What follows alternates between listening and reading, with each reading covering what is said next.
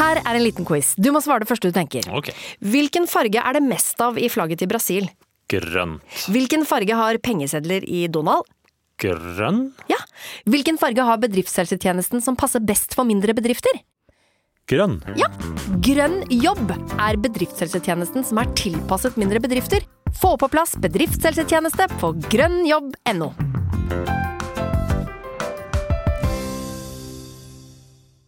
Ok, vennen min. Nå skal vi leke en skikkelig gøyal lek. Den heter Finn bilnøklene til pappa som eh, noen har gjemt i skogen. Klar, ferdig, gå! Å miste bilnøklene er ingen lek. Som NAF-medlem med veihjelp er nøkkelforsikring inkludert. Meld deg inn på naf.no. I denne ukas episode av Fredrik Gressvik uredigert snakker jeg med USA-ekspert Are Togvold Flaten om at også Donald Trump virker mentalt svekket. Det er jo flere eksempler på det nylig også, der han surrer. Eh, snakker om Obama i stedet for Biden, f.eks. Han er jo ikke det han var, han heller, hvis du ser tilbake på klipp av Trump fra 2015-2016. Gjerne enda lenger tilbake, den gang han var demokrat. Hør Fredrik Gressvik uredigert, gratis der du hører podkast.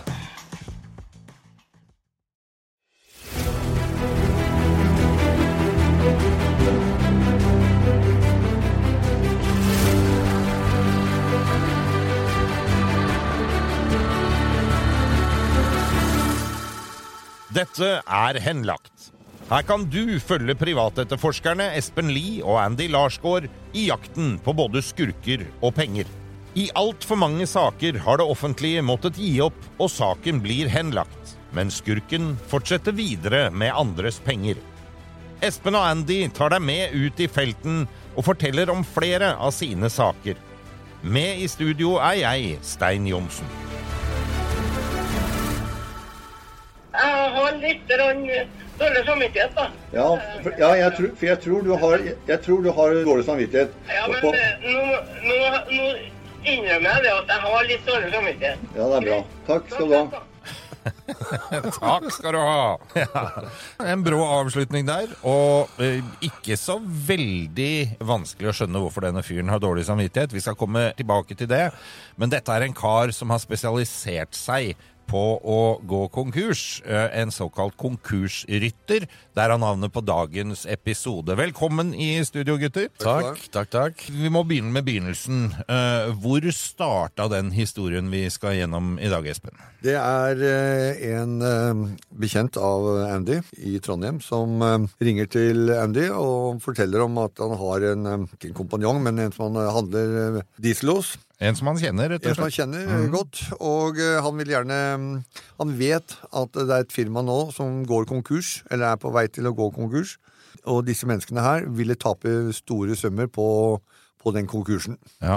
Så han ringer til Andy og spør om ikke vi kunne se på den saken for han. Rett og slett for å hjelpe kompiser, liksom? Ja, for å hjelpe kompiser. For normalt så pleier folk å ringe direkte til dere. Helt korrekt. Og her blir det motsatt. da. Ja. Vi, vi må ringe til, til de for å høre om de faktisk er interessert. Ja, han, Ikke bare han, som, eh, han som jeg kjenner, han ringer og sier 'nå brenner det på dass'. Ja, ok. Ja, da, eh, forteller han om eh, et selskap som heter Trønderoil i Trondheim, som har da tapt tre millioner kroner på en konkurs. Og det er ikke første gang, sier han til meg. Å, i helvete. Ja. Dette, er en, eh, dette har skjedd flere ganger, og nå er det krise i familien der, så du må ringe dem, liksom. Her er Odd Erik Grønningen. Jeg så jo avisa at eh, Nidaros eh, Transport eh, var konkurs, og da tenkte jeg jo å gripe muligheten med å snakke med bobestyrer om å få kjøpt uh, deler av boet som omhandler de kundene og det som er i mitt distrikt. da. Uh, I den sammenheng så ble jeg også klar over at en av mine gode venner i Trønderhold uh, har gått på et stort tap der. da. Eh, og da eh, tok jeg kontakt med, med Espen og lurte på om de kunne bistå med, med å få inn de pengene. da. I den sammenheng da, så ble eh, Andy kontakta av Espen, og Andy ringte meg og fikk til en avtale. og Så har ballen rulla videre etterpå. Så da ringer dere opp til eh, familien. Ja, jeg- Hvordan er reaksjonen? Jeg ringer, og da vil de egentlig ikke snakke med meg. De er uh, veldig sånn uh, Fordi Nja, de er, altså de er veldig sånn eh, Hva heter det, da? Altså Litt sånn eh, ro- Tilbakeholdende. Ja, veldig tilbakeholdende, veldig rolig og sånn. Og så tror jeg de sitter der fortsatt litt sånn småsjokkerte at de har tapt alle disse pengene. Eller de tror de kommer til å tape, i hvert fall. Ja. Og så sier jeg at jeg eh, jobber sammen med Espen, Ja. og det syns de er kjempeskummelt. Ja. Så sier jeg ok, men vi kan ta en prat, eh, og så ja, de, De syntes det var veldig skummelt, og særlig møte oss, liksom. Og, men vi kunne komme til dem, men da må det være etter klokka fire. For da hadde alle ansatte reist. Å ja, du fikk ikke beskjed om å ta på deg løsbart og sånn, Espen? Det var Nei, jeg gjorde ikke det. Jeg gjorde ikke det. Og det med, når vi møter dem da, så sier de jo rett ut at det, det, de hadde aldri trodd de skulle gå til sånne skritt. For de syns de gjør noe kriminelt da, ved å kontakte oss. Ja. Men de har prøvd med inkassobyrå, de har prøvd å anmelde, de har liksom prøvd alle de tingene som man kan gjøre. Og det kommer jo aldri noen penger. Nei. Altså tre millioner kroner er så mye penger at de får helt panikk, rett og slett. Og så viser det seg jo da at dette han kompisen din nevnte, at uh, dette er ikke første gangen de har havna i uh, trøbbel pga. de samme menneskene som går konkurs. Nei, det er riktig. De er, altså, dette her er da den åttende konkursen de er på vei til å gå, eller gå konkurs. Nei, det De har syv konkurser før, og det er helt vanvittig. Jeg har aldri vært borti det før. Og, og, og vi, vi har jo en sånn derre greie fra, fra, fra den forrige dommen, da, i, på den syvende konkursen, hvor det står at uh, disse menneskene her bør ikke drive en næringsvirksomhet. Men like fullt så dukker de opp igjen som paddehatter, liksom. Paddehatter. Ja. Men to linjer ned på samme dommen Ja. så står det at de selger inventaret på den gamle til de samme menneskene for 600 000. Det er ikke til å skjønne dette her. Jeg skal bare ta meg kort, for jeg veit jo at gutta deres dreiv og gravde litt mens dere var oppover på vei til eh, Trondheim. Ja, det er jo det som skjer. Ja. At, uh, vi forteller jo til graveteam at de skal sjekke litt om, om selskapet, og da finner jo de historikken bak. Det er de som oppdager forrige konkurs, det er de som gir oss den rapporten da, fra tidligere bostyrer. Og her er det mye, vet du. For Ja, det, dette er familien Leinsli. Dette er offentlig tilgjengelig informasjon. Hvor eh, Geir, far i familien, han har holdt på med transport siden han var 19 år. Da var det som et enkeltmannsforetak, eller sånn eh, ansvarlig selskap. Det gikk konkurs. Etter det, hør nå, så er det Leinsli Transport AS. Så er det Nidaros Frakt AS. Så er det Toril Transport AS. Toril er kona. Så er det Nidaros Frakt Toril Transport AS. Så er det Bud og Transportservice AS. Så er det Nidaros Frakt en gang til. Og så er det Trondheimsterminalen AS. Og i tillegg til det så er det et par greier hvor de ansvarlige selskapene har gått konkurs. Så vi er altså oppe, som Espen sa, i åtte Nei, konkurser. jeg kan ikke telle så langt. jeg. Nei, det er helt sant. Du, tallet åtte er jo helt vanvittig. Og det er, det er lov å gå konkurs. Det, det får vi høre mer om seinere. Men uh... Men da dere kom til Trønderoil, som altså nå er i fare for å ryke på nye tre millioner i tap, uh, hvordan blei du tatt imot? De var litt nervøse for å få deg inn. Ja, jeg hørte det, men uh, når vi kom dit, så, så var de kjempehyggelige. Ja. Og de var fullt forståelige, og de var um, ville gjerne sitte ned og høre hva, hva vi kunne gjøre sammen da, Ja, for for å prøve å, å hjelpe dem. Ja, ja. Og både kona og gubben sjøl, de var eh, veldig, veldig hyggelig. For det er, litt av, det er litt av historien her. Dette er to, det er et ektepar som driver De selger drivstoff til lastebiler og busser og sånn i området der oppe. Riktig. Holdt på i mange år, så dette er familiebedriften. Og de tre millionene, det er hele årsoverskuddet, det, liksom. Ja, omtrent. taper de det, så har de jo jobba gratis et helt år. Begge to. Ja, og det er jo selvsagt ikke veldig hyggelig. Ok, eh, dere prater med dem, hva skjer? De forteller jo da historien om deres forhold til den her kunden, og hvor mange ganger de har vært på kontoret der og fortalt, altså Leinsli-gjengen, hvor mange ganger de har vært der og fortalt historien om at neste uke kommer det penger. Neste uke kommer det penger, Altså kommer det lite grann penger. Men eh, eh, utestående blir bare større og større. Og det siste som skjer, er Jeg husker ikke om når det var, men rett før konkursen i hvert fall, så står jo han og gråter på kontoret hos, hos Trønder Oil Ja. og ber på sine knær og sier at det går ikke konkurs og penga kommer nå snart og alt sånt, og så får han faktisk eh, fylt opp eh, diesel på lastebilene en gang til. Det høres ikke tilfeldig ut, dette her. Hva blir dere enige om eh, med Trønderoil før dere forlater dem eh, på det første besøket? Vi blir enige om at vi skal ta tak i saken Mm. og eh, gå gjennom eh, hele historikken, da. Mm. Eh, og vi blir jo der oppe et par dager. Og vi tar også kontakt da med, med bostyrer, som, som da Andy har et møte. Og der kommer også mye ny og bra informasjon ut. Ja, for Trønderol i seg sjøl, de fortalte jo oss sånn cirka hvor mange lastebiler de trodde det var i det firmaet. Og cirka hvor mange ansatte som var i det firmaet. Og de kunne ikke forstå at det der skulle gå eh, så fort konkurs en gang til, for det var jo akkurat nyetablert Ja. for noen måneder siden. Og så med all den bakgrunnsinformasjonen og fakturaen og sånn som, eh, som er gitt, da, eh, så tar vi kontakt med bostyrer, som Espen sier. Vi tar en, først en telefon til de og sier at vi ønsker å ta en prat med de, for det vi mistenker at det er, er noen eh, lovbrudd som eh, er gjort i denne saken. De sier nei. Um, og så parallelt med det så går Espen og, og en annen kar på spanejobb for å sjekke Prøve å leite opp lastebiler og sånn på forskjellige kjente adresser. Og eh, når vi setter oss ned med bostyrer, så, så sier de rett ut at kassa er tom. Det fins ikke noe verdier i bygget, på lageret eller noe sånt å ta tak i. Og det er ikke noe mer å jobbe for i boet. Nei, ok. Og da forklarer vi hva historien egentlig er, og så, så begynner de å Da skjønner de det, og de begynner å jobbe med etterforskning, de også. Hva finner du ute på spaningsturer, Espen? Nei, mens de, finner, mens de er på, på møte, så, så roter jeg rundt i Trondheim og opp til er det Stjørdal, som ligger rett på oversiden, ved Værnes der. Mm. Og vi finner Det var 48 lastebiler som var eh, borte, og vi finner 42 av de. Det var jo lageret.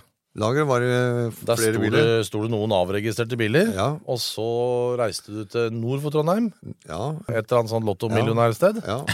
Og så Der finner, der finner vi også en uh, bil. Ja, stemmer. Ja. Og så drar du ned til familien og titter ved huset der. Og så til uh, sønnen. sønnen, Der sto det en eh, bil og en båt og noe Ja, greier. det sto en bil og båt. Og så visste de om den der campingvogna på den der campingplassen. Og, så det var tydelig at det var midler her, liksom? Ja, ja. Det var, var midler, men uh, de hadde jo avs avskilta mange av de. Eh, noen var satt uh, innafor andre biler og eh, gjemt bort fordi at de da skulle sannsynligvis bruke de videre på, på, på, på neste runde. Og så har jeg skjønt på dere gutter at hvis man avskilter lastebiler og sånn, så forsvinner de litt fra bostyrers eh, oversikter. Altså Hvis en bostyrer kommer inn, for at alle skal forstå det En bostyrer kommer inn, så ser han et lokale som er helt tomt. Det er ikke penger på konto. Han har 58 000 kroner som han får av staten å jobbe for. Og har rett og slett ikke tid på de pengene til å leite. Uh, han sjekker kontoen, men han ser ikke hva som har vært inn og ut på kontoen. Uh, i, I nevneverdig grad. Han ser heller ikke på hva som er, ligger i verdier og registrert uh, av biler i systemet. Hvis han søker, så finner han ut at det ikke er noen ting. Det står en gammel traktor, var det? En traktor, ja. Traktor, en gammel henger, er det som står på utsida. ikke sant? Men det Mm. var jo for bare noen timer før det, så var det jo Jeg husker ikke om det var 50 eller 40 ansatte i hvert fall som kjørte lastebil Alman. Og alt det der er jo avregistrert. Når det er avregistrert, så, og du ikke søker på spesifikt, spesifikt på chassisnummeret på bilen, eller på lastebilen, så kommer det jo ingenting. Ikke sant? Så det, det, er- det er ikke noe registrert lenger. Og da venter jo de bare til konkursen er over, og så setter de skiltene tilbake igjen på bilen, og så heter det noe annet. Det høres ikke helt tilfeldig ut. Nei, det er ikke tilfeldig. Det er planlagt. Tjuveri. Og tyveri, for å være helt ærlig. Ja. Når man da klarer å kartlegge dette her, går det da tilbake til bostyret og legger dette på bordet og sier se her, her finnes det midler? Altså Når vi snakker med bostyrer og har gjort den bakgrunnssjekken som vi gjør, så setter de seg ned og hører. Og dette er eh, et eh, advokatselskap i Trondheim som heter Pretor. Som er veldig dyktig, men de selvfølgelig uten informasjon gjør som alle andre bostyrer. Men når de fikk informasjon fra oss, så satte de ned og virkelig granska dypt med vår hjelp. da. Men en ting som var borte, husker du det, Espen? Da var jo all data og alt sånt var jo borte. Det, det sier jo tidligere eier eh, til, til bostyret at alt er liksom sletta, for de hadde ikke klart å betale regninga si. Og så det, er, det er ikke noe å søke og sjekke på. Det som skjer da, er jo at en av, en av de som jobber på graving hos oss, han skjønner hvordan sånn datasystem fungerer, og, og den bedriften har jo selvfølgelig en sky hvor all data er lagra, og når de da har sletta eh, dataene, som de tror, og slutta å betale regning til firmaet, så tenker de at liksom, da blir alt bare borte. Men det gjør det ikke. Så vår mann han betaler litt eh, lisenspenger for å få de dataene tilbake og gjenoppretta én gang til. Og det liker bostyrer. Ja, det kan jeg tenke meg, for da kan du plutselig gå inn og se på all mailkorrespondanse Yes. og det hele. Men det som er, det som er, det som er gærent i, i, i forhold til dere her, det er at det bostyret de har kun eh, lov til å gå inn på Altinn og sjekke hva de kan eh, Som de kan bruke, da. Ok. Ja. Det er Og det eneste verktøyet de det har lov til å bruke? Det er det eneste verktøyet de har, ja. Og, Ok. og, og når de får dette servert i handa, så blir det jo Ja, det er julekvelden. Det er halleluja med en gang. vet du Ja. Jøsse navn, åssen klarte dere det, gutter? liksom og, Så vi, vi gir dem jo egentlig mm, hele, hele historikken til butikken. Og da bestiller de, eh, eller hva heter det, søker de om midler fra staten for å få en bordrevisor.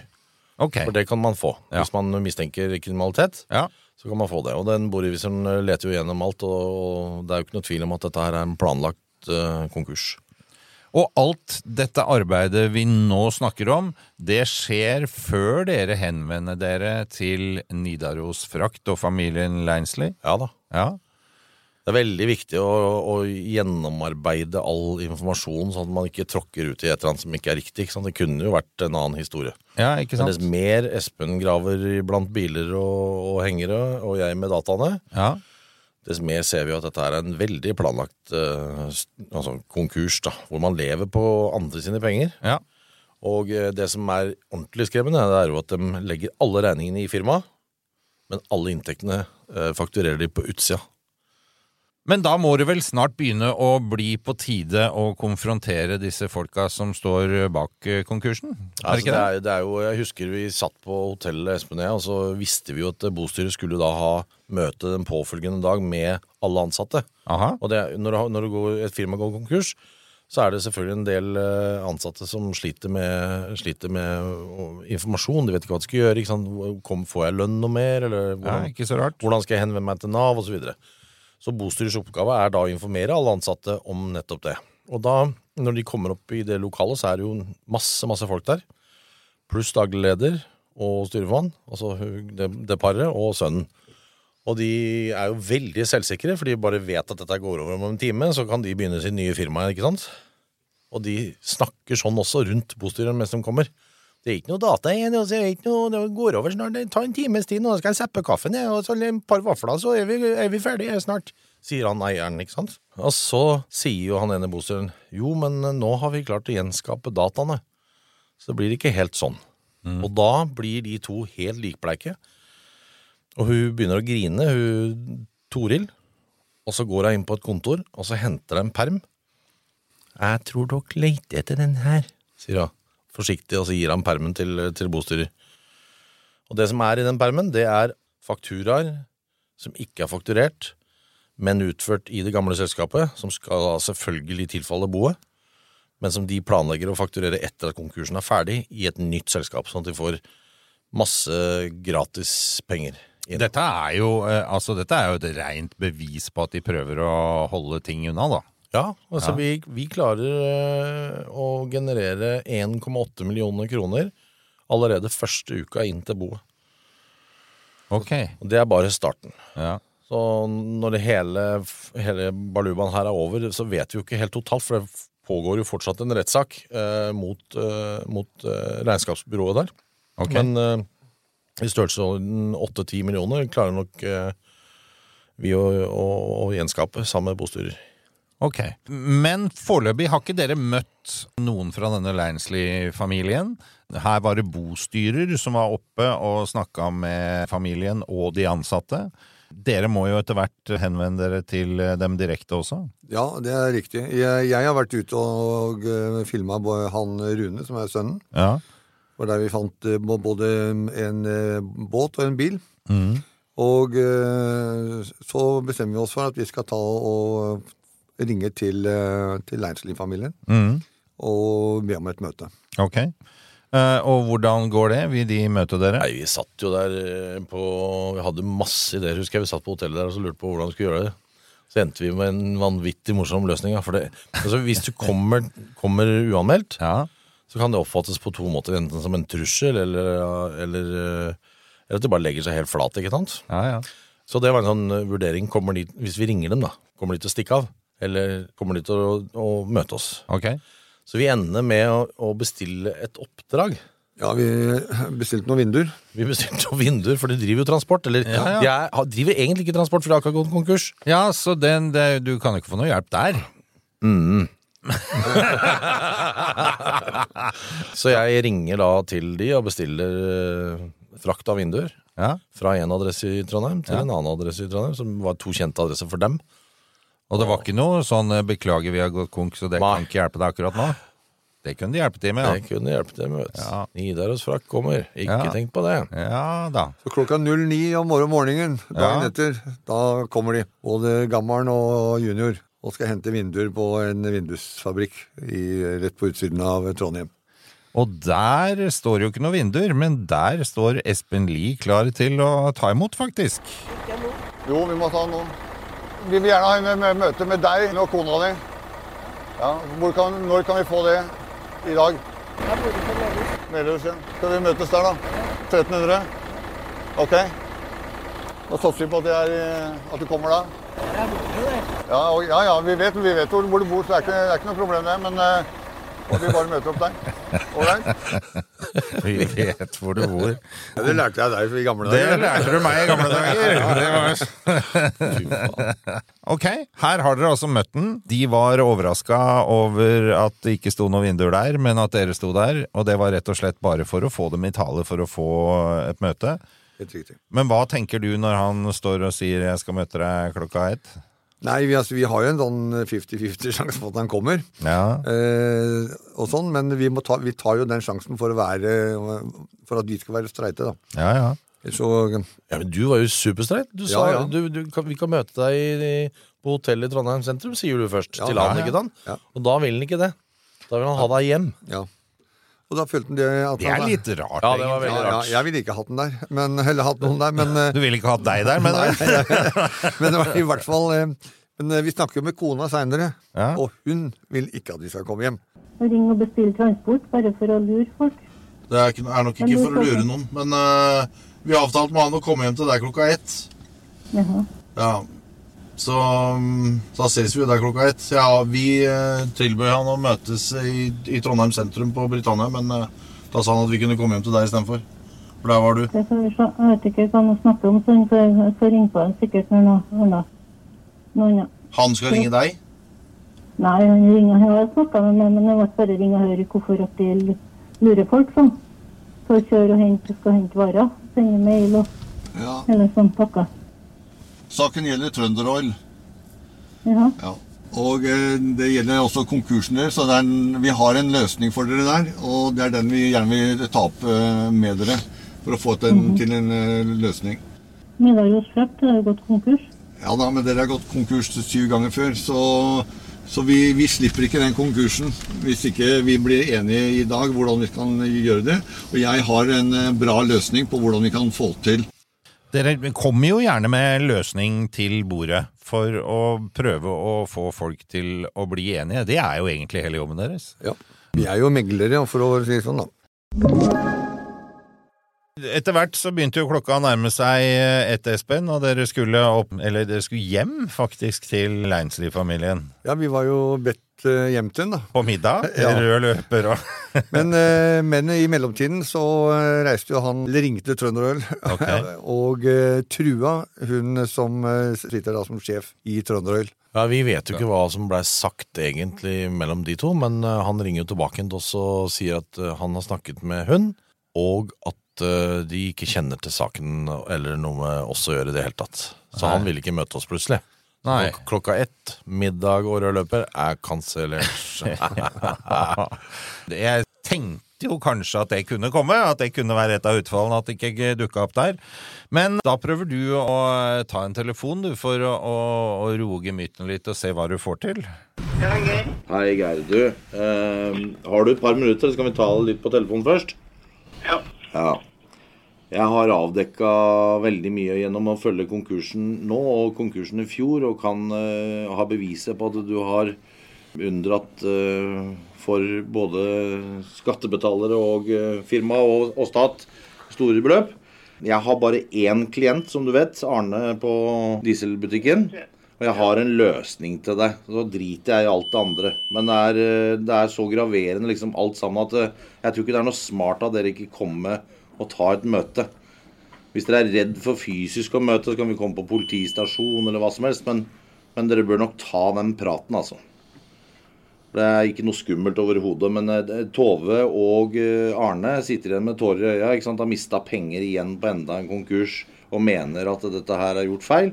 Og jeg har gått gjennom all dokumentasjon og ser jo at det er gjort med bl.a. biler som ikke er i, i, eh, i eh, Nidaros fraktregi. Det er også på biler som har gått eh, på dere på enkeltmannsforetak, ikke sant?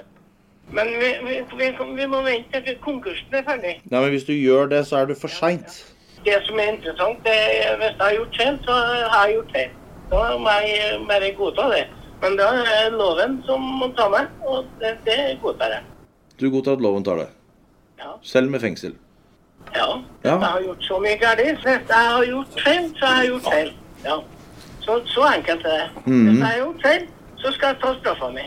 Du skal ta straffa di. Jeg skal ta straffa mi, ja, for at uh, hvis jeg har gjort feil, så, så har jeg gjort feil. Det er greit. Ok, Så du vil ikke treffes og høre på forslaget? Det hadde, hadde du sluppet billig unna, for å si det sånn. Nei, eh, det, jeg, har ikke kommet noe forslag til meg foreløpig, i hvert fall. Nei. Jeg tror du skal, jeg tror du skal ta en eh, prat med familien din, og så, og så vær eh, ja. Er ikke uhøflig. Nei, jeg er Nei, ikke nei, uhøflig. det er ikke vi heller, da. Nei, så det, det har ikke noe med det å gjøre. Men det, jeg, jeg må vente til loven er ferdig, og så kan jeg snakke med deg. Det er helt i orden. Det er godt å vite at han ikke er uhøflig, da, i hvert fall. Det er jo nydelig. Det er veldig fint, altså. Ikke så enkel å få oss til å møtes, eh, denne fyren her. Nei, han vil gjerne dømmes hvis han har gjort noe gærent. Så Ja. skal han ta straffa si. Ja, det var ikke tvil om det. Ja, Om han... sønnen og kona går med i dragsuget, det får dem stå for. De er voksne nok sjøl, og det var ja, ikke men- noe problem. Vet du, så det Men uh, da er det jo ikke så veldig mye mer man kan gjøre. Du kan jo liksom ikke bryte deg inn og snakke med dem heller, hvis han ikke vil prate med deg. Nei, vi gjør jo ikke det, men uh, vi har jo andre måter også å jobbe videre på, da. Mm. Og for oss å dokumentere alt sammen, og som da selvfølgelig går via eh, bostyrer. Og det ble jo ikke noen heldig slutt egentlig for disse her heller. For i og med at han skulle vente til konkursen skulle gå sin gang, så Nei, gikk men jo det er jo helt natta. sin Altså. gang. Ja, ja, ja. Det er jo helt natta. Så Espen sier det hver gang. Den smarteste som når, når han åpner døra Husker en eller annen gang du spurte om det, hvordan folk reagerer forskjellig. Noen kommer med hagle og Ja, ja. mulig? Så sa Espen at eh, den smarteste er jo den som eh, setter seg ned og prater. Ja. Og så kommer fram til en løsning. Ja. For de vet at de skylder penger. De vet at de har gjort noe gærent. Og det gjør også Leinstli-familien. Ja. De vet det. Men de eh, er rett og slett konfliktsky mennesker og holder seg unna og sier hvis de har gjort noe gærent, så får det komme seinere. For de har sluppet unna så mange ganger, og de regner med at de slipper unna en gang til. Og det er jo Ja, helt riktig. Altså, de har kommet unna syv ganger før. ja. Og nå er det åtte? Syv, åtte? det, er, åtte. det er mange nok, i hvert fall. det, er, det er lov å miste tellinga her, for Ja. disse har gjort det så mange ganger. Og det er jo litt av greia her, fordi at systemet er sånn som det er. Så har de kommet unna med det så mange ganger, sitter og tenker at de gjør det igjen, og så fikk de en liten støkk da bostyret kom og fortalte at nei da, vi har klart å gjenskape dataene, vi, så nå har vi faktisk litt å se på.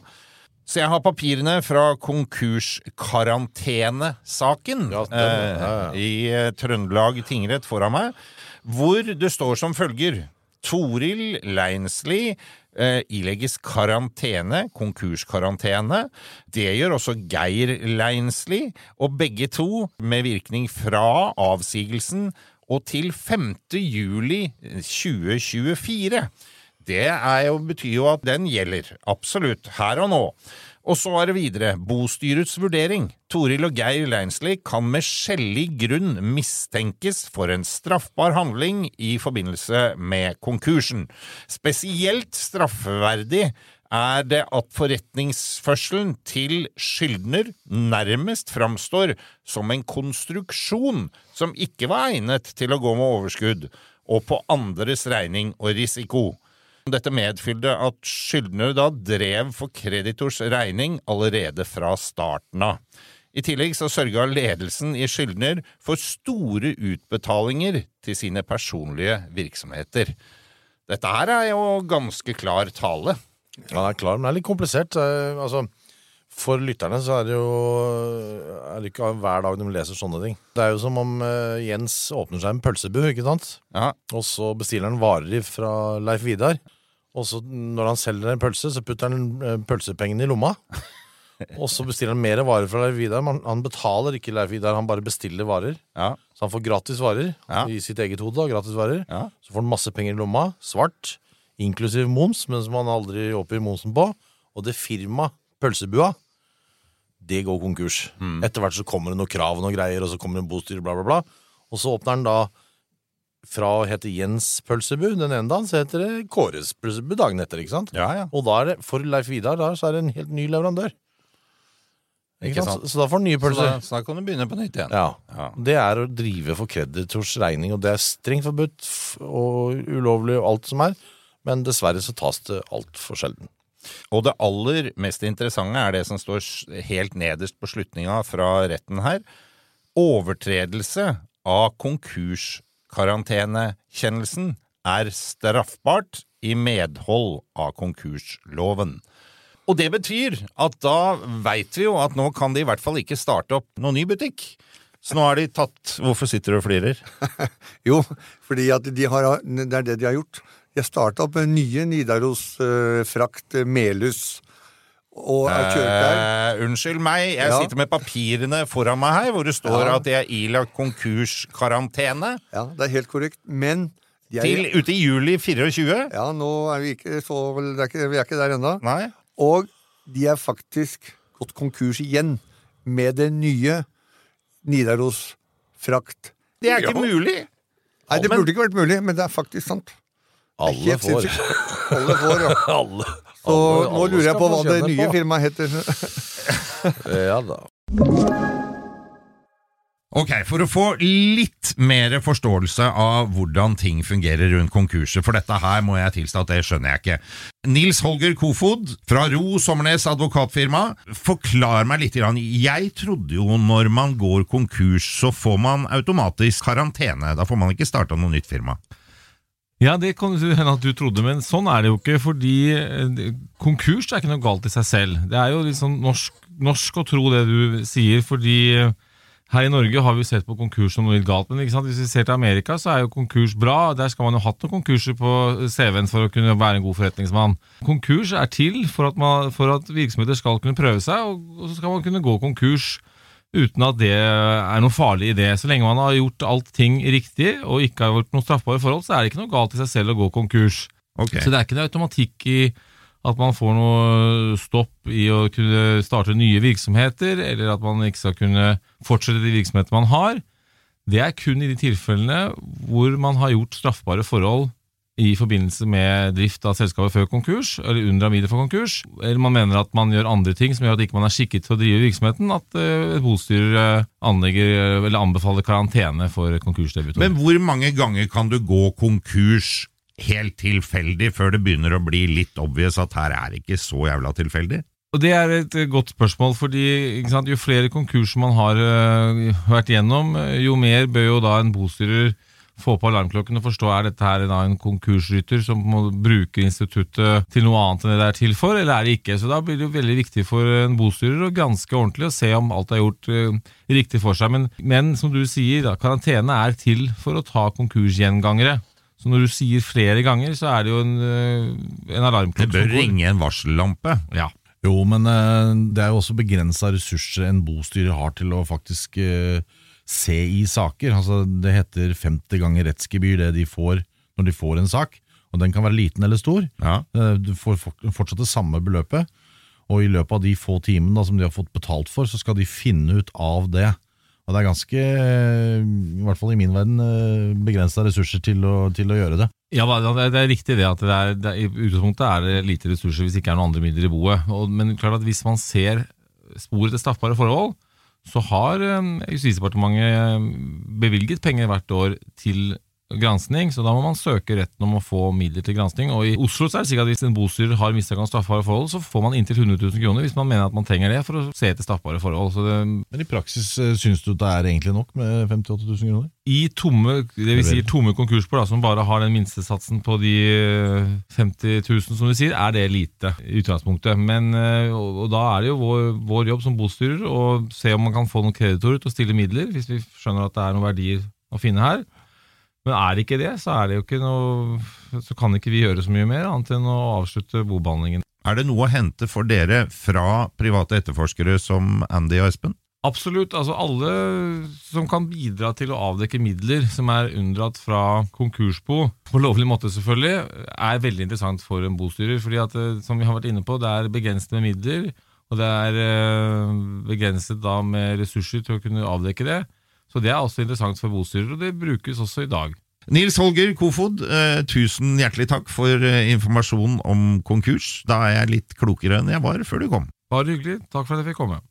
Og vi må tilbake til saken igjen, hvor Espen og Andy hjelper Trønderoil og bostyret til Nidaros Frakt med å finne midler som på mystisk vis er forsvunnet fra boet. Og gutter, det å samarbeide med et bostyre, det er ikke ukjent for dere. Det er ikke ukjent. Så, ja. det, det, gjør vi i nesten alle saker. Mm. for å si Ni av ti saker så har vi en eller annen uh, connection med bostyrer. Og hjelper hverandre, liksom. Ja, ikke vi- bare det, vi er jo også inne vi, i kreditorutvalg. Altså hvis, det, hvis, vi, hvis vi virkelig er nødt til å inn og hjelpe til i boet. Og det er jo enkelte bostyrer som, eh, som eh, aldri ville funnet ut uten oss. Men lar dere dere fremdeles overraske over hvordan det er mulig å sno seg unna? Er det noe som overrasker dere sånn i, i forskjellige caser? Nei, altså Norge er et svindlerparadis. Punktum. Er det enklere i Norge enn andre land? Ja, veldig. Fordi? Eh, både straffen eh, for å gjøre noe sånt er veldig lav. Og ressursene til politi og til bostyrer og andre som skal jobbe med det, er nesten fraværende. Og i den saken vi snakker om her, så har vi jo liksom, eh, som du lista opp, da, en syv-åtte konkurser på, på samme folka, og de kjører eh, bare videre. Altså, de går, de går konkurs én gang i året, og det er ingen som reagerer. Det er, jo, det er jo spesielt. Det står vel i den ene rapporten at de ikke er egnet til å drive virksomhet. Helt riktig. Ja. Og to linjer under så står det at vi, sender, selger innboet for videre drift til de samme her, som har gått konkurs. Det står i den dommen du har foran deg. Det er helt natta. det er, det er helt natta. Ja. Men det vi gjør sammen med bostyret, da, for å, eh, for å kalle en spade en spade, det er at vi kan finne opplysninger med andre typer registre enn det de kan selv. Som Espen sa i stad, de bruker Altinn. Vi bruker annet lovlig verktøy, men som ikke de har tilgang til, og som koster ganske mye penger å ha. da. Ehm, for, å, for å kartlegge den eller de personene det handler om, og hva de gjør, hvor de har flytta penger, hvor bor de, hva slags hytter har de, bil, båt, fly, tog, hva som helst. Og så kan vi samarbeide med, på, med bostyret og si at uh, denne personen har jo ikke hatt inntekt de siste 25 år. Så det er litt rart med den der 12 millioner kroners hytta på Blefjell. Ja, jeg ser den, men eh, tilbake igjen til disse folka bak Nidaros Frakt, hvor du, Espen, fortalte at de har klart å gå konkurs enda en gang siden denne saken vi snakker om i dag. Hvordan er det de klarer det, for de kan jo faktisk ikke bruke sine egne navn på eiersida da? Bruker de stråmenn?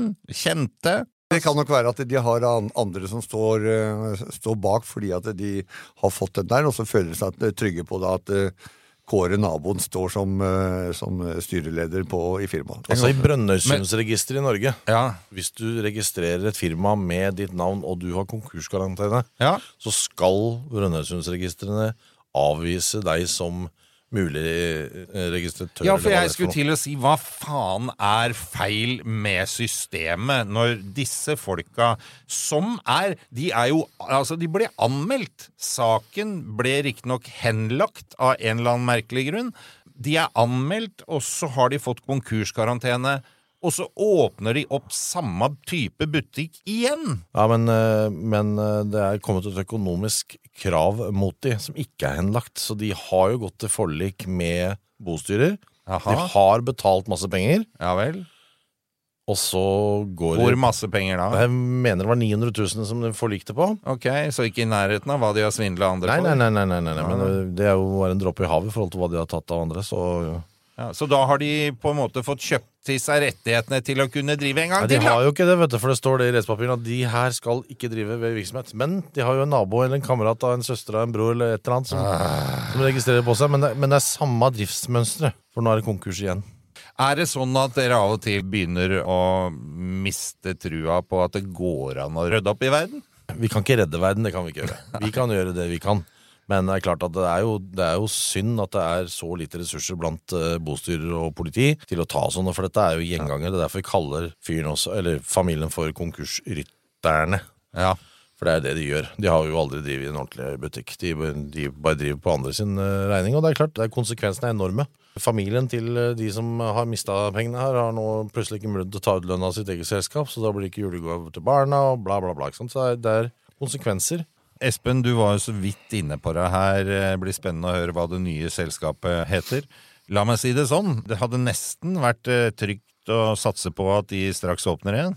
Ja, jeg regner med at de har for de er- de er såpass kreative, da. At de, jeg tror de faktisk er i gang med et eller annet igjen. Så vi skal ta oss og prøve å finne ut av det. Jeg tenker det blir Nidaros frakt vest. Går det an å fremme noen lovforslag om endring av regler og sånn? Ja, det burde du Ja, men du, men du kan si at det, det, som er, det som er greia med, med en konkurs, at det går ærlig og oppriktig konkurs, for det, det skjer jo. Ja, som vi hørte Holger snakke om Riktig. tidligere, ja. Så, er, så er det fullt lovlig. Ja. Men her er det noen som benytter et system som, Altså, systemet er for svakt. Ja. Slik at uh, kjeltringene kan bare utnytte systemet og kjøre på og kjøre på og kjøre på. Og det viser seg, nå har de gjort det uh, ni ganger, som vi vet om. Hvis det er sånn at det blir en eh, ny sak nå på disse folka, så må noen love meg at vi pirker bostyreren i nakken og sier her er det skjellig grunn til mistanke på at det har foregått Ja, øh, Vi skal finne ut hvem som er bostyreren, Ja. og øh, vi skal ta en, en, telefon til, til han, eller til de. Ja. En sak har alltid to sider, og selv om det her foreligger offentlige papirer og dom i saken, så skylder vi å gi Geir og Toril fra Nidaros Frakt mulighetene til å kommentere påstandene mot dem. Derfor så er de med på telefonen nå, og jeg må jo først da sitere papirene fra retten hvor det står at selskapet deres er bygget opp på en måte som helt klart peker mot at det var tanken at det skulle slås konkurs. Har du noen kommentarer til det? Nei, det var ikke tanken at det skulle gå noen konkurs. Men jeg gjorde feil. Jeg skulle ha sagt opp noen folk. Jeg skulle ikke ha tatt med meg alle sammen. Jeg, jeg synes ikke Jeg har jobba sånn som dem i mange år. Og jeg synes det at eh, jeg tok, prøvde å ta vare på folket, og det skulle jeg ikke ha gjort. Det gikk ut over meg sjøl. I utgangspunktet så har jeg jobba dobbelt skift i, i all min dag. Og, men at jeg har gjort bare rett, det har ikke jeg gjort. Men jeg har ikke svindla noen. Jeg har ikke prøvd å svindle noen. Så jeg synes det altså at den advokaten som var sist nå, han, De, De snakka ikke med meg i hele tatt. Ikke et ord. Han bare kjørte løpet. Han har ikke snakka med meg i hele tatt, den advokaten som har eh, holdt på med det. Han har ikke veksla et ord, og det er første gangen jeg har vært med på at ingen har veksla et ord med meg. For det kom jo påstander om at dere hadde ført eh, inntekter til dere sjøl, men utgifter inn i firmaet. Nei, det er bare tull. Vi har ikke bevisst gjort noe feil, så Du mener at denne dommen om at dere fikk konkurskarantene ikke er riktig, da? Ja, det vi bryr jo ikke så mye om, da, for at vi er så gamle. Vi skal ikke starte opp noen nye firmaer selv. Vi Vi har et lite firma fra før som er veldig gammelt. Så vi har ikke noe interesse av å starte noen nye firmaer med ansatte. så det bryr vi oss så mye om når vi fikk karantene. Toril og Geir fra Nidaros Frakt der altså, som fremdeles mener at de ikke har gjort noe galt, og heller ikke bryr seg nevneverdig om konkurskarantenen. Da har alle fått uttale seg, og vi må etter hvert runde av saken. Og vi må kunne konkludere med at dere har gjort en grundig jobb her, Espen, og dere fikk tilført ganske mye penger til dette boet. Ja, det gjorde vi. Vi fikk eh, tilført uh, ca. 10 millioner som gikk inn til boet, men Og de hadde ikke dukka opp hvis ikke dere hadde vært der? Nei, det tror jeg ikke. Nei. Men så er det da 50 ansatte som skal ha penger. I Eh, dette selskapet som har ryket? Ja, som har ryket, ja. Så er eh, skatteetaten skal ha sine penger. Renter på, på skatten skal, skal de ha. Og det er en del ting som blir borte før de andre skal ha, ha penger, og da er det veldig, veldig lite igjen.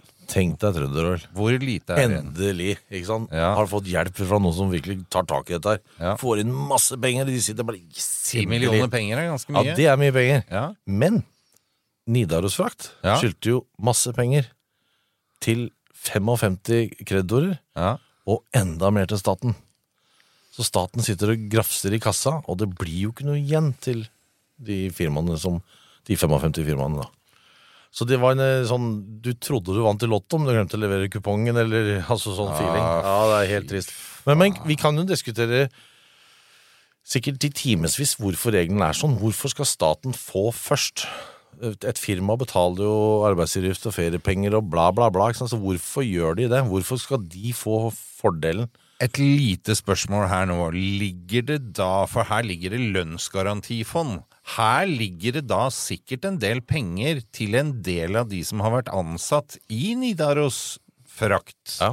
Eh, og som kanskje allerede har begynt å jobbe for det nye Nidaros Frakt. Ja. Melhus. Det, det, Melhus. ja, det vet vi at det, at det er ansatte som har flytta over dit. Da vi, Og du sa i stad at det er til og med renter på utestående beløp. Det skal også inn i staten før menigmann får sin cut. Ja. Det oppleves som veldig urettferdig fra bedriftsgivere. Altså, det oppleves som urettferdig for folk flest, vil jeg tro. Det er jo helt høl i huet. Ja, da, da lurer jeg på hvorfor man eh, gjør et forlik med et sånt, altså et sånt par. da. Egentlig burde man eh, lage heller noe som et gjeldsbrev. Ja. At man hefter for det. Hvis man blir faktisk tatt i svindel, at dette er gjort som en, en, en, eh, en sak med overlegg, altså dette er noe du visste du drev med, så burde du heller gå rettens vei og si at du dømmes til å tilbakebetale de 17, inklusiv penger til staten. Også at, det- at det foreligger gjeldspress, slik at en eller annen gang eh, down the road så får eh, alle sammen penger. Jeg kjenner jeg blir forbanna på Trønderoils vegne her, ja, altså. Men sånn er det nå. Dere gjorde en eh, kjempejobb. Dere fikk inn ti millioner til eh, boet, så saken er jo da i så måte løst. Og så får vi jo holde et lite halvt øye på Nidaros fraktselskaper framover. Ja, navnet i hvert fall. Ja. Ja. ja. vinneren her var jo staten. ikke sant? Ja. Vinneren var staten. Også at vi fikk gjort den jobben vi gjorde, var jo kjempegøy. Eh, Bostyret var selvfølgelig veldig fornøyd, og Mm. de holder på nå med en rettssak mot regnskapsselskapet. Mm. Så den fortsatt er en pågående sak, så den kan vi ikke diskutere nå. Vi må jo si oss fornøyd tross utfallet. Absolutt. Så skal vi over til det vi tar for oss neste uke. For den episoden vi da har kommet fram til, den heter. Hundemannen! Og det er fordi bare for lytterne skal høre, og det er så kult. Eller kult, det er, nå var jeg slem med deg, Espen. Espen blir angrepet av, ja, en hund. En tigerhund på to meter. Skal vi si Ara her eller? Følg med i neste uke i episoden om Hundemannen. Denne podkasten er produsert av Big Dog Media for Henlagt AS. Redaksjonelt ansvarlig for denne episoden er Gustav Jansen. Produsent Stein Johnsen. Alle navngitte parter har blitt gitt mulighet til å uttale seg.